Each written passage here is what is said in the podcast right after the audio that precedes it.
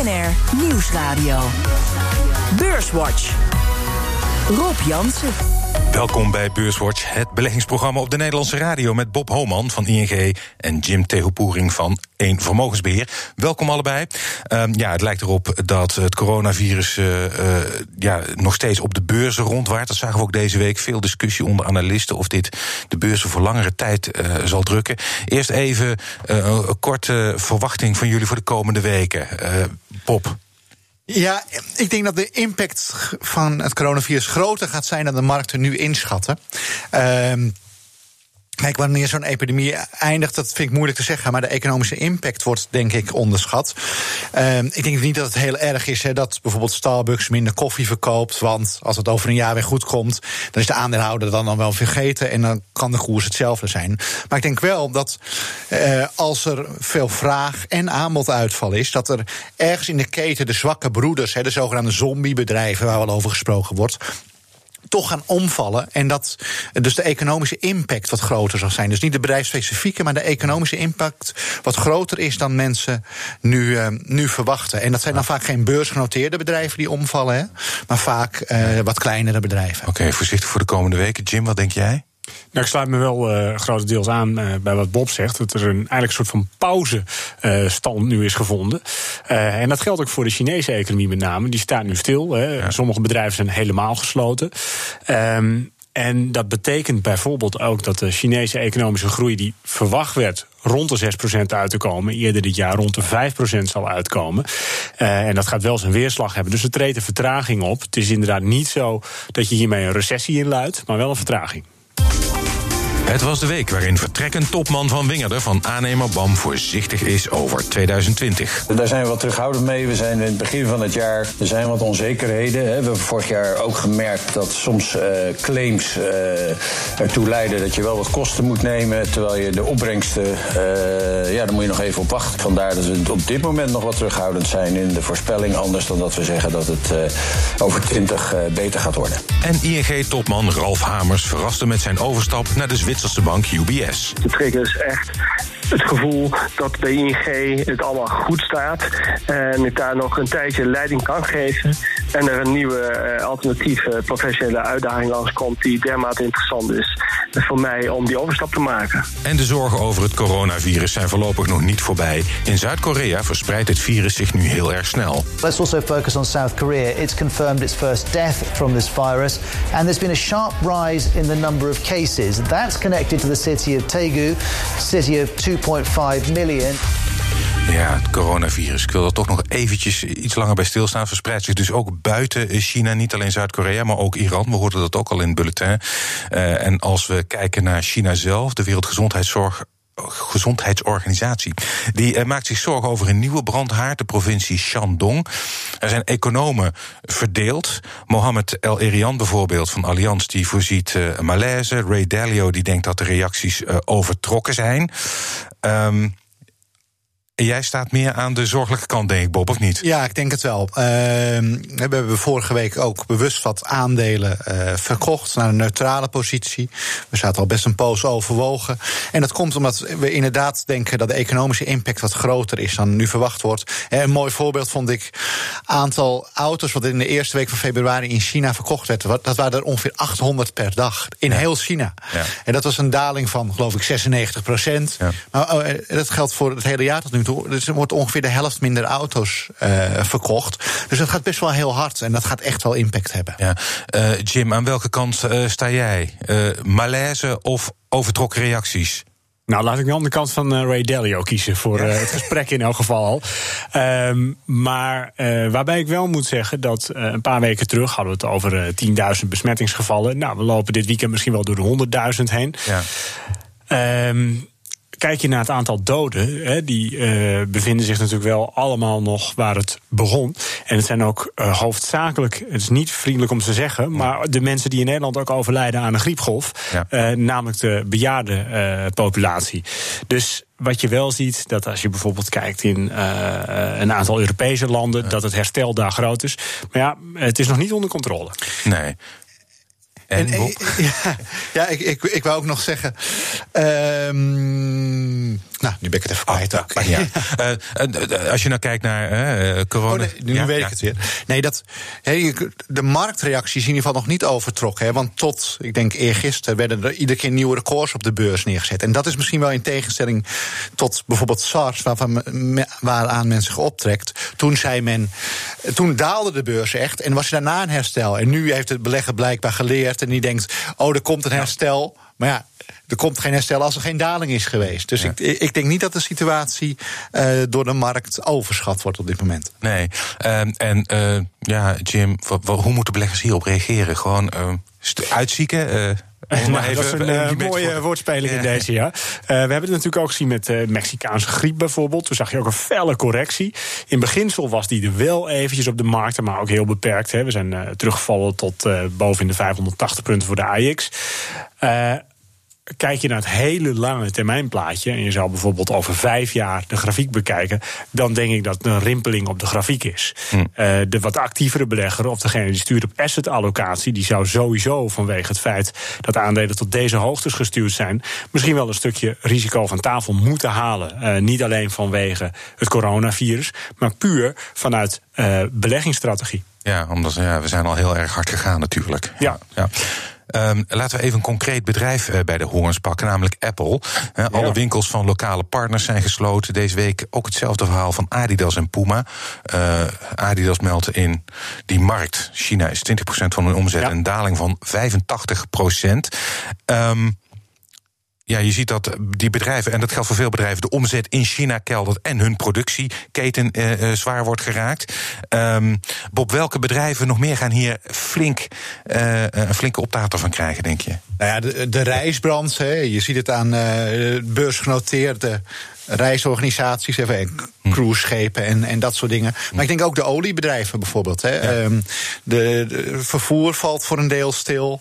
Ehm, dus, en, en er was al iets van overaanbod in olie. Dus je ziet de olieprijs naar beneden gaan. Dus ik denk ook dat eh, als je naar de winstverwachtingen van de grote oliebedrijven kijkt, dan zie je de analisten ook hun prognoses wel flink naar beneden bijstellen. Hè. En eh, hangt een beetje van het bedrijf af. Maar ik zie tussen de 10 en 40 procent minder winst eh, dan eerder geschat. Ja, dat zie ik al langskomen.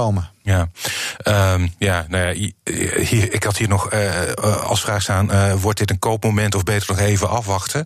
Eh, Jim, wat denk je? Nou, dat is het nog wel Oh, eventjes even. eh, afwachten, ja. Want eh, er gaan er inderdaad, Bob die haalt het ook al aan... er gaan er nog vele, me- vele komen. En ook echt grote multinationals, inderdaad de Nikes, de Disney's... je noemt net al autoverkopen, BMW.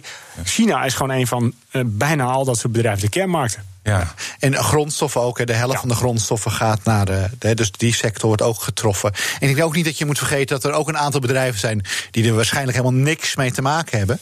maar die dit wel aangrijpen om het slechte nieuws naar buiten Ja. te brengen. Hè. ja. Dat is ook altijd een mooi excuus van. oh jee, we hebben nog wat in de boeken staan. Hup, eruit. Want we hebben een mooi excuus. en niemand die er nu eh, heel diep op navraagt. oh, dat wordt dan een leuk eerste kwartaal. eh, eh, Ja, dat klopt. Nou, je zegt, hè, we komen er straks vast nog op. Maar ook KLM, die hebben één pagina gewijd aan het eh, coronavirus. Ja, nou ja, Of tenminste, hè, zoals ze dan, eh, jij ook al mooi noemde, het COVID-19. eh, ja, dat, eh, Ja, ja, ja.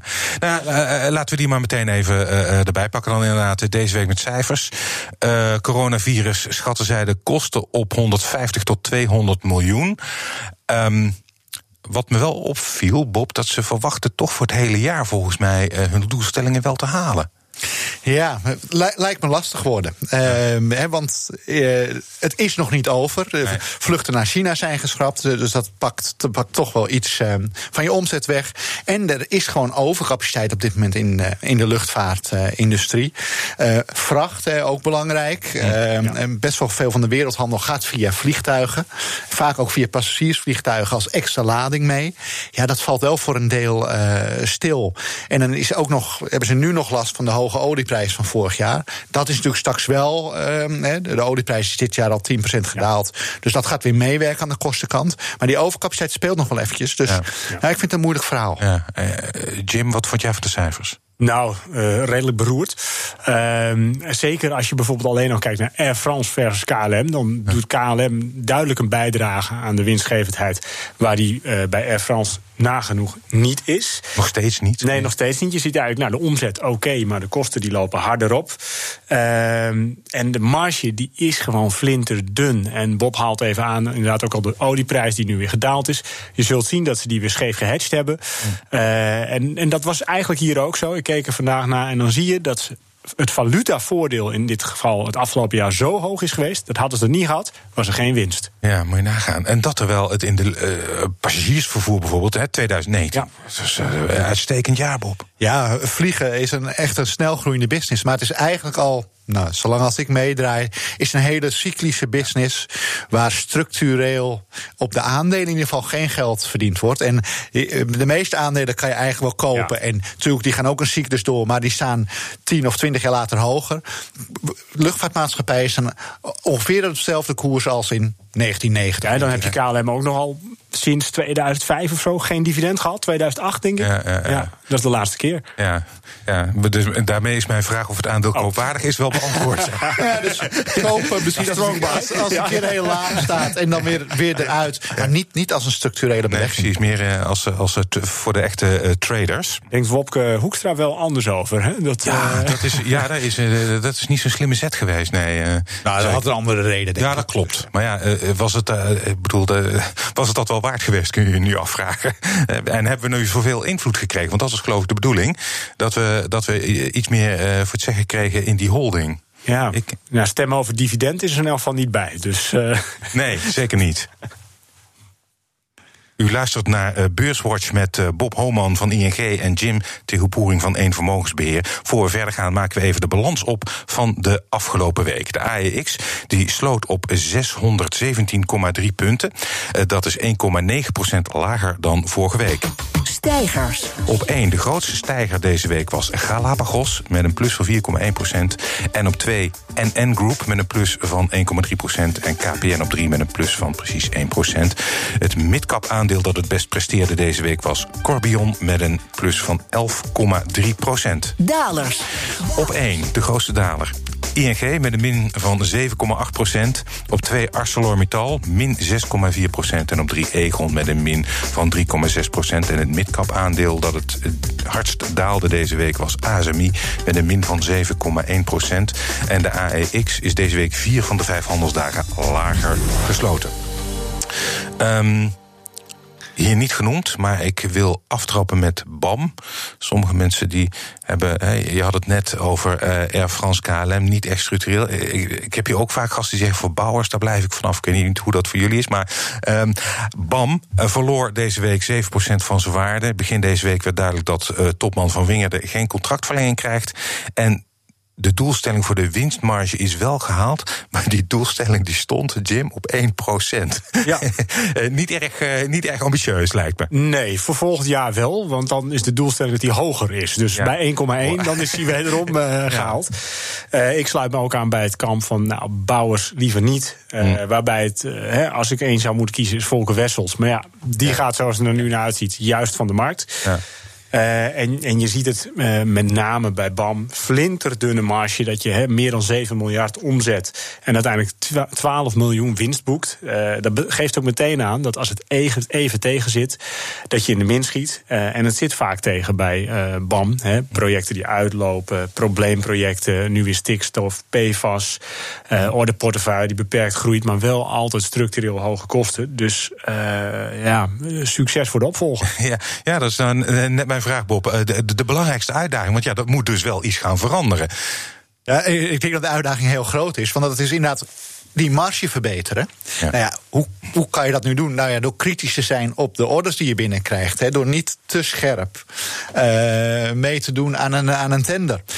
Maar tegelijkertijd heb je PFAS en dergelijke, waardoor de projecten opdrogen. Dus je moet ook wel weer meedoen om je vaste kosten goed te maken. Dus dat dus projecten binnenkrijgen, maar met toch nog een fatsoenlijke marge. In een wereld waar iedereen die projecten wil hebben, omdat er te weinig zijn. Ja, eh, eh, dat is een hele moeilijke opdracht. Dus Ja. daar word ik ook niet heel enthousiast van. Overigens bouwers gesproken. Je ziet dat buitenlandse bouwers, hè, in Frankrijk, Bouygues en, en dergelijke, die doen het best wel heel aardig. En die hebben hele dikke rendementen op hun eigen vermogen. Hoe dat nou precies kan, hè, misschien zijn de Nederlandse aanbestedingsnormen net ietsje strakker.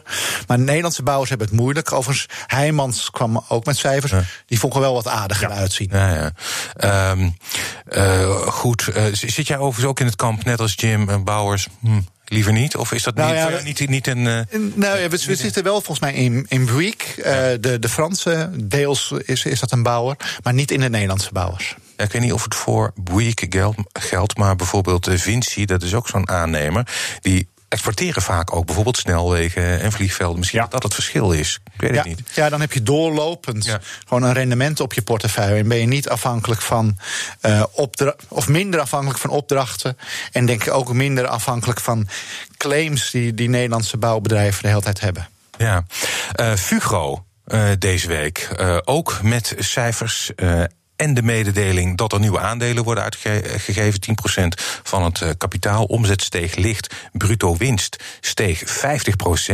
Jim, een opluchting of viel het toch? De cijfers zelf waren eigenlijk geen opluchting. Toch Want, niet? eh, de, als je kijkt naar de eh, winstgevendheid, ja, fors hoger. Bruto marge ook fors hoger. Ehm, maar in Q4 zag je nauwelijks verbetering. Dus eigenlijk, hè, de verbetering vond vooral al in de eerste negen maanden van het jaar plaats. Dus dat viel een beetje tegen. Vooral als je bedenkt waar Fugro heeft gezegd naartoe te zullen willen. Die portefeuille die moet in de komende jaren nog verdubbelen. Ehm, de bruto marge die moet ook fors omhoog. Die hebben ze op 10% beloofd. Dus als ze het allemaal waarmaken, dan is het prachtig. Maar vooralsnog lopen ze een beetje achter. En je ziet nu deze week ook weer, hè, de olieprijs die lopen weer wat terug. Dus ze hadden net de wind in de rug. Ook als het gaat over groene energie en windenergie. Maar eh, het ja, viel toch wel tegen. Ja. Je, eh, Bob. Ja, ik denk het ook. En met, met wat, wat goed nieuws is, denk ik dat eh, de financiering geregeld lijkt. En dat was de afgelopen jaren best wel spannend. Ze hadden nog een converteerbare obligatie uitstaan, die ze nu met de nieuwe financiering kunnen terug, eh, terughalen. Dus het lijkt wel eh, of de balans voor de komende jaren in ieder geval geregeld is. Absoluut. En dat is denk ik wel erg prettig. Ja. Ja, dat is misschien wat, wat Bob zegt, is belangrijker dan die cijfers zelf. Als het gaat over de bankconvenanten, nou, die drie, daar zitten ze nu al lang niet meer, of al lang, die zitten echt niet meer aan met uitgifte, want hebben ze nu opgehaald, 82 miljoen geloof ik. Hè? Ja. Ja, maar tegelijkertijd er is nou een aandeel waarvan je zegt... eh, de winstgevendheid is heel groei, er zit groei in. Nou, dan vind ik het een, een stuk lastiger. Met een lage olieprijs ook nog eens. Ja. Hè? Dat maakt het. eh, Ja, ik, moet- ik moet wel zeggen dat als ze ook maar een, een, een deel waarmaken van hun belofte, ja, dan is het ook een aandeel wat van 10 euro nu, nou ja, het is een beetje gevaarlijk om te zeggen, maar in 2023, waar die doelstellingen liggen, zou kunnen verdubbelen. Ja. Eh, over feestjes gesproken. Eh, vandaag knalde de champagne voor eh, de eigenaren van CM.com. Ehm, het is een berichtendienst die service verleent aan bedrijven die via sociale media in contact willen komen met hun klanten. En nog heel veel andere dingen faciliteren ze. Ehm, via lege beurshuls naar de beurs gegaan, hoe dan ook. Eh 18,3% van de openingskoers af, Jim. Ja, dat Ja. klinkt heel negatief. Ja. Maar je moet ook bedenken dat, eh, dit, dit, werd, dit werd bekendgemaakt. Ehm, ik meen dat het in december was. Eh, toen, eh, voor mijn 16 december, als ik me niet vergis, dat Niek Hoek achter eh, Dutch Star aangaf van nou, wij willen eigenlijk een steek nemen in cm.com. Toen stonden die aandelen op een tientje. Ja. Dus ze zijn opgeblazen op dit nieuws tot ver boven de 20. En vandaag is dan de formele inbreng van CM. En bestaat die oude, dat noemen ze een SPAC, hè, die bestaat niet meer. En nu zakt het aandeel wat terug. Dus het is een beetje bezit van de zaak, is het einde van het vermaak. Maar degenen die al wat langer eh, in Dutch Star zaten, ja. ja, die hebben nu toch wel het rende, beloofde rendement meer dan bewaarheid zien worden. Ja. Vind jij het een eh, interessant bedrijf voor de belegger, Bob? Nou, het is, het is heel klein, hè? Ja, klopt, ja. Ehm, eh, Maar misschien. een, een omzet van, van nog geen, eh, wat is het, 100 miljoen. Eh, ze maken verlies, hè? Ja. Eh, je betaalt dan, eh, wat, wat is de beurswaarde? 240 miljoen. Ja. miljoen. Ja, Dan, voor ja, jou, ik vind eh. het. En ik vind het ook wel een bedrijfsmodel hè, met zo'n berichtendienst. Hm. wat vrij makkelijk te kopiëren is. Hè. Mhm. Ik let altijd wel eh, erg op entree-barrières. Hm. Dus nou, ik word er niet echt heel enthousiast van. Ehm, eh, ja, ook ooit begonnen als een belofte, maar ja, die lijken het toch wel, wel waar te maken. Galapagos. Omzet verdriedubbeld, een winst van 150 miljoen. Eh, in 2018 nog een eh, fors verlies. Aandeel eh, was al populair bij beleggers. Deze week de grootste stijger in de AEX. Jim? Ja, fantastisch bedrijf. Ja?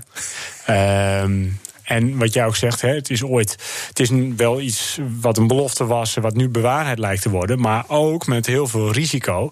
Eh, want het is ook een bedrijf geweest waarbij de beursgang, net als bij CM.com, daar ging die echt mis. Maar bij Galapagos ging het op het nippertje goed. Ja. 20 miljoen moesten ze toen, geloof ik, ophalen. 2005. Eh, nu meer dan 10 miljard waard. Ja. Eh, echt een succesverhaal. Ja. Maar ook wel vaak langs het randje van de afgrond gegaan. En ik vind wel bij de huidige koers fantastische deal gesloten afgelopen jaar. He, bijna 100 euro per aandeel cash op de bank. Volle pijplijn. Eh, maar die 150 euro extra voor mogelijke medicijnen die op de markt zouden kunnen komen, is ook wel stevig aan het worden. ja, wat denk jij, Bob? Nou ja, ze hebben wel wat dingen in de pijplijn zitten. Hè? En, en, en zelfs op nog niet uitgebrachte medicijnen verdienen ze al wat geld. Ja. En dat, dat is denk ik wel heel aardig. Het is ook, altijd verlies gehad, nu een, een winst. Dus het gaat het. eh, Dat is denk ik het goede nieuws. En dat is eigenlijk net, net als bij Tesla. Het, het risico dat het over een paar jaar niet besta, meer bestaat, lijkt, lijkt, meer. lijkt Ja. weg. Ja. Ehm, maar inderdaad, is het dan zoveel waard? Ehm, dat vind ik best een, eh, een moeilijke vraag. Ja, ja. Eh, maar ik denk wel dat ze zitten in, eh, in de healthcare, biotechnologie. Het is wel een sector waar je op dit moment denk ik wel ook wil zitten. Ja. Eh, maar het is prijzig. Het is prijzig. Nou ja, eh, we zijn alweer bijna aan het einde van de uitzending. En dat betekent dat jullie eh, een aandeel eh, mogen tippen, of iets anders, eh, mogen tippen. Eh, Jim, heb jij iets wat nog niet te prijzig is en waar je een mooie rit in kunt maken voor de? Ja, wel een hele speculatieve is het in dit geval. Ze komen dinsdag met cijfers. Eh, is OCI. Ik heb het al een paar keer vaker genoemd de afgelopen weken. Alles zit daar eigenlijk tegen. Hè. Kunstmestproducent, kunstmestprijs dalen. Eh, ze hebben fabrieken die op halve kracht eh, eh, draaiden. Ze hebben een hoge schuldpositie. Maar kijk je naar de balans, nou, dan staan er heel veel assets als je het vergelijkt met de beurswaarde. En als die fabrieken weer dalen, als kunstmestprijzen aantrekken, als natural gas weer wat oploopt. en ze halen weer een goede operationele winst van 600, 700 miljoen. ja, dan is dit wel een aandeel wat fors omhoog kan. Oké, helder. Eh, OCI. Bob. Nou ja, altijd met eh, de disclaimer Ja. in een gespreide portefeuille. Maar ehm, het aandeel Pfizer, ook in de, in de farmaciehoek, heeft het niet goed gedaan de afgelopen tijd. En eh, doen wat corporate actions. Hè. Ze met eh Mylan samen gaan de bulkmedicijnen waarschijnlijk apart gelist worden in een joint venture. Dus als aandeelhouder krijg je dat straks erbij. En, en moet je zien wat je daarmee doet. Maar dan blijft er over wat meer een biofarmabedrijf. Niet te duur, 13 keer de winst. Ruim 4% dividendrendement. Groeit ook nog hard, die de divisie die overblijft. Dus Pfizer is, eh, is mijn idee. Oké, helder. OCI en eh Pfizer, hartelijk dank. Bob Homan van ING en Jim Tehoepoering van 1 Vermogensbeheer. Dit was Beurswatch. Als u wilt reageren, dan kunt u een mail sturen naar beurswatch.bnr.nl of tweeten naar Rob Jansen Beurs. Terugluisteren, dat kan natuurlijk ook via de site, de BNR-app, de Apple Podcast-app of Spotify. En graag tot volgende week.